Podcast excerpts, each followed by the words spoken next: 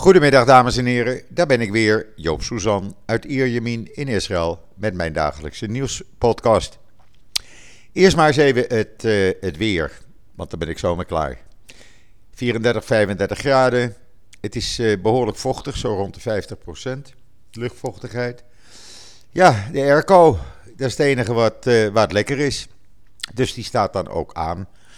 En voor de rest, ja, het is typisch Israëlisch zomerweer. Blauwe lucht, een briesje uit zee.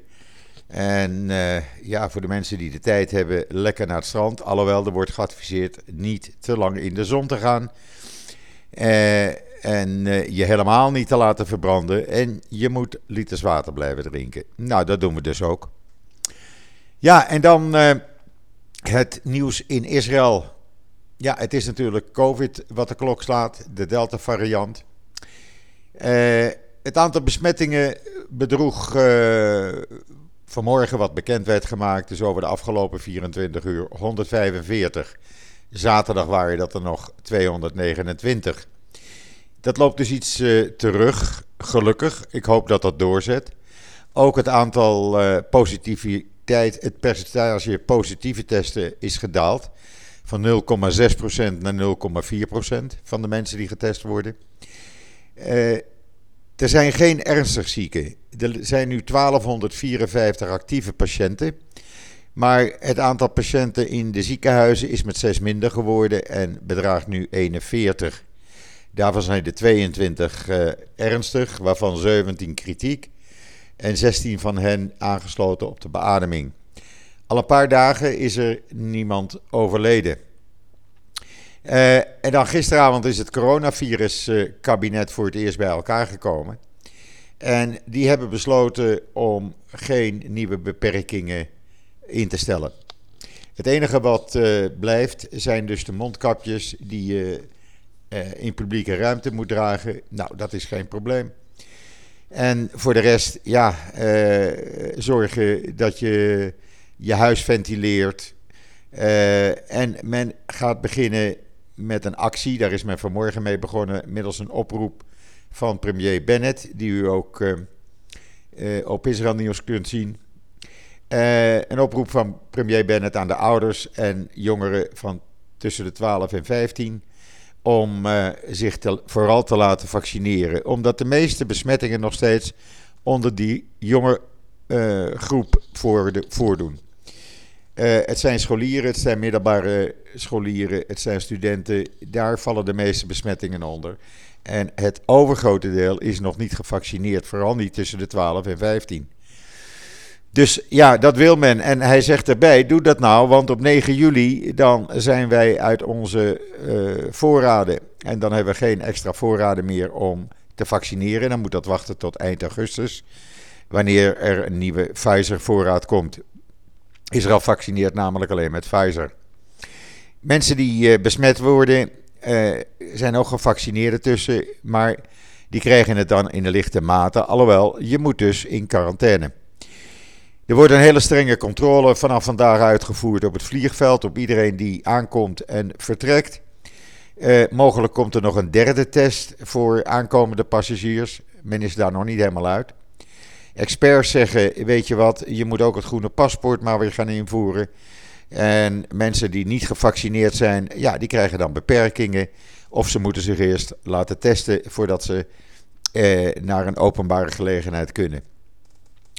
Daarnaast zijn er experts die, eh, van de Bar Universiteit die hebben gezegd: eh, bereid je maar voor, de Delta-variant heeft alweer een nieuwe variant die in Israël is. Die hebben we ontdekt. Die noemen we de Delta Plus variant. En dat is de overtreffende trap van de Delta variant.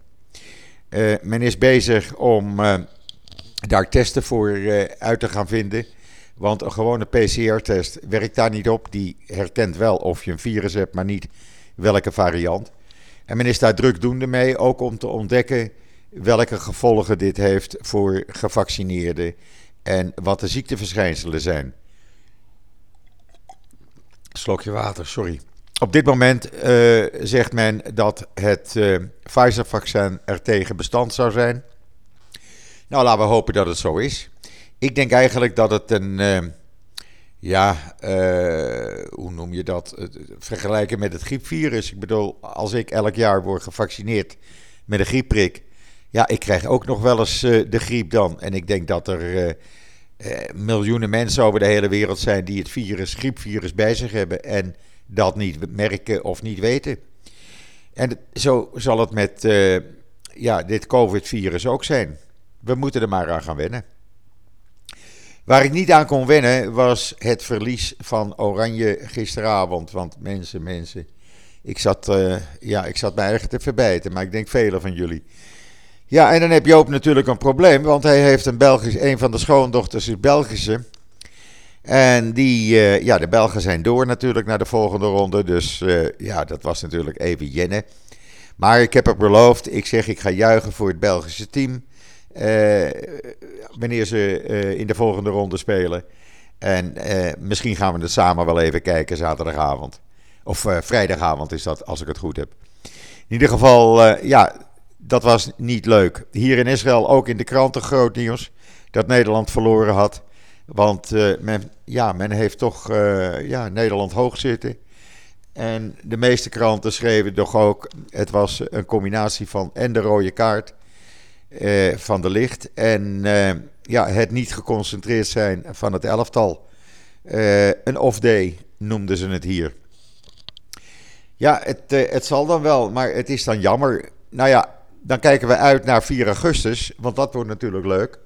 Op 4 augustus speelt FC Barcelona een oefenwedstrijd in Jeruzalem tegen Betar Jerusalem. En ja, dat wordt een, uh, een broederstrijd, om het zo maar even te noemen. Ook al is het een uh, oefenwedstrijd. Uh, Ronald Koeman tegen zijn broer Edwin, die benoemd is tot trainer van Betar Jerusalem. Het is het, het, team met de fanatiekste aanhang in Israël. De Family worden ze genoemd. Dat zijn echt fanatieke aanhangers. ik ben benieuwd hoe lang Edwin Koeman dit uithoudt. Want ja, op het moment dat hij gaat verliezen, nou, dan kan hij beter meteen zijn biezen pakken.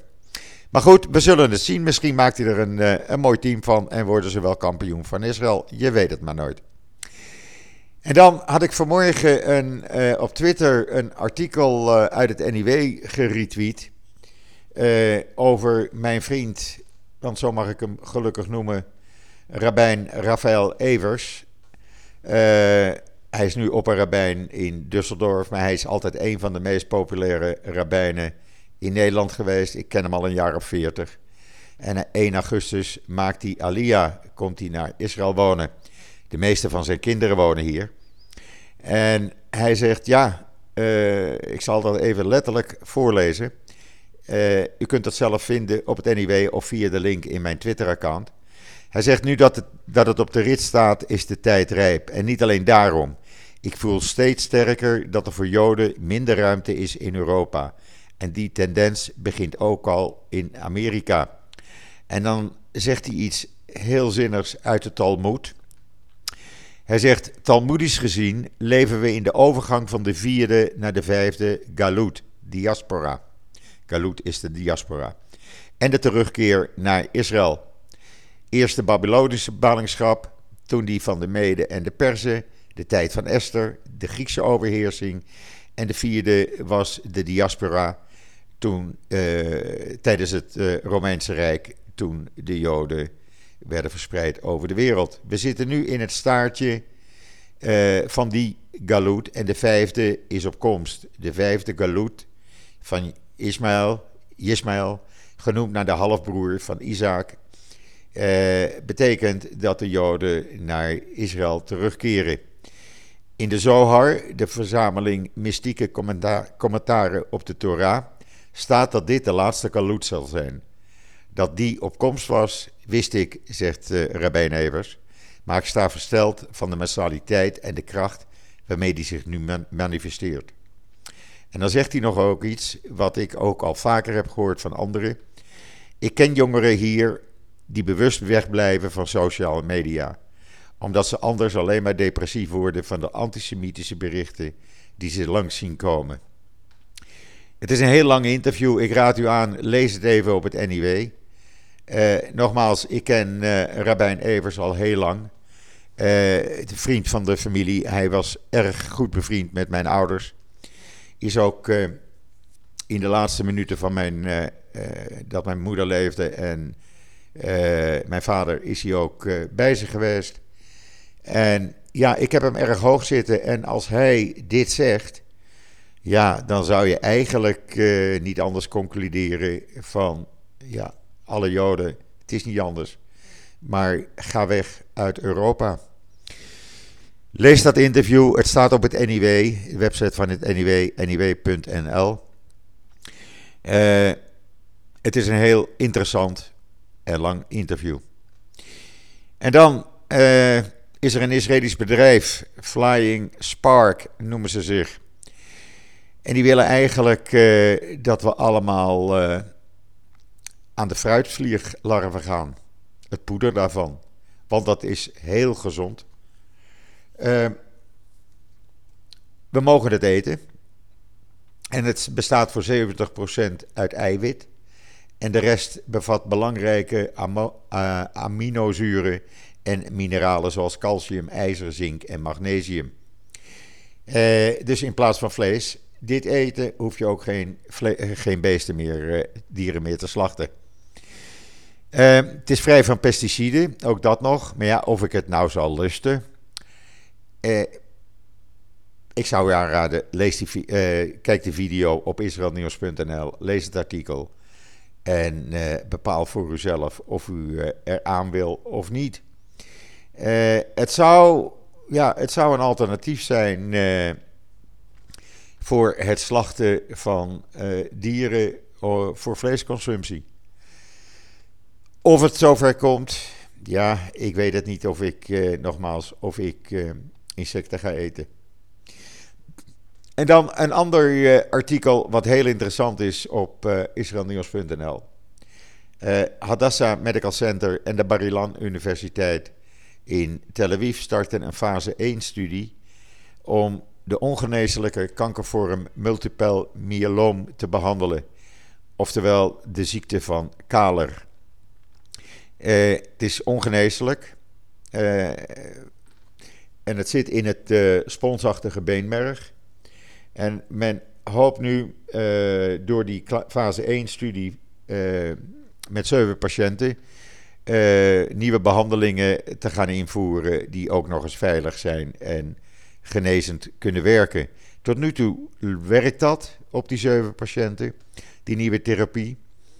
Er moet nog wat studie gedaan worden natuurlijk. Uh, het is niet zo dat je dat 1, 2, 3 even doet. Maar uh, het zit eraan te komen.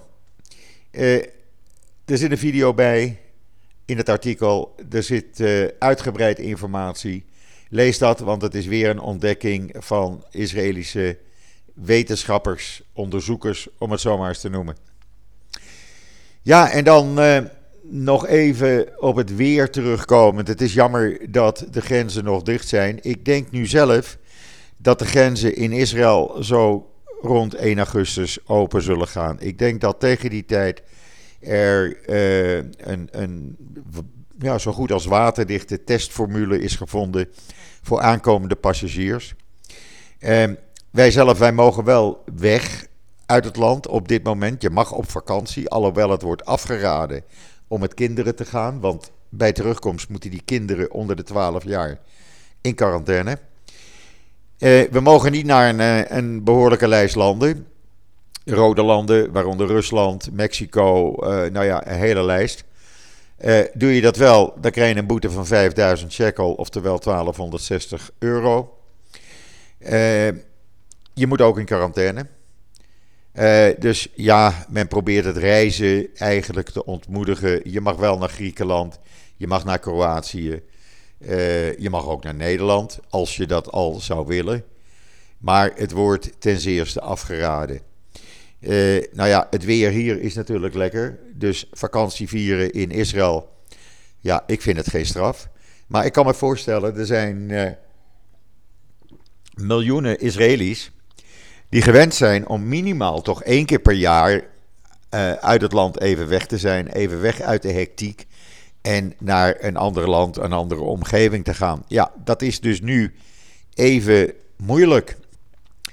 Uh, en daar zitten toch een hele hoop mensen mee. Tuurlijk, ze gaan naar de Negev, ze gaan naar het noorden, ze gaan naar Jeruzalem als ze in de Randstad wonen. Uh, uit Jeruzalem gaan ze naar Tel Aviv. Maar ja, je bent niet het land uit natuurlijk. En ik kan me daar wel iets bij voorstellen. Maar goed, ja, uh, het is niet anders. Mogelijk dat het in augustus wel versoepeld gaat worden. En dan zal je ook een uitstroom van uh, Israëli's zien. En een instroom van toeristen, mag ik hopen. Want het is voor de toeristenindustrie natuurlijk een enorme ramp. En de toeristenindustrie is toch een hele belangrijke bron van inkomsten hier in Israël. Maar goed, het is wat het is. En uh, men doet er alles aan om uh, het virus te bestrijden. Uh, nogmaals, de mondkapjes, ik vind het geen probleem. Ik heb hem nu weer in de broekzak zitten. Ik heb er een paar in de auto liggen. En heb je ze nodig? Nou, dan doe je hem op. En voor de rest gewoon in de buitenlucht blijven. Ja, dat was het dan weer voor vandaag. Al het nieuws weer even met u doorgenomen. Politiek, ja, de oppositie, laten we zeggen de, de Likud en andere partijen die eerder twaalf jaar aan de macht uh, waren, die hebben het nog steeds moeilijk om nu in de oppositie te zitten. Die uh, schreeuwen en, en tieren in die commissies. We krijgen dat elke avond te zien. Maar goed, daar moeten ze maar aan gaan wennen. Rest mij u nog een hele fijne voortzetting van deze maandag, de 28 juni, toe te wensen. Wat mij betreft, ik ben er morgen weer en zeg zoals altijd: tot ziens, tot morgen.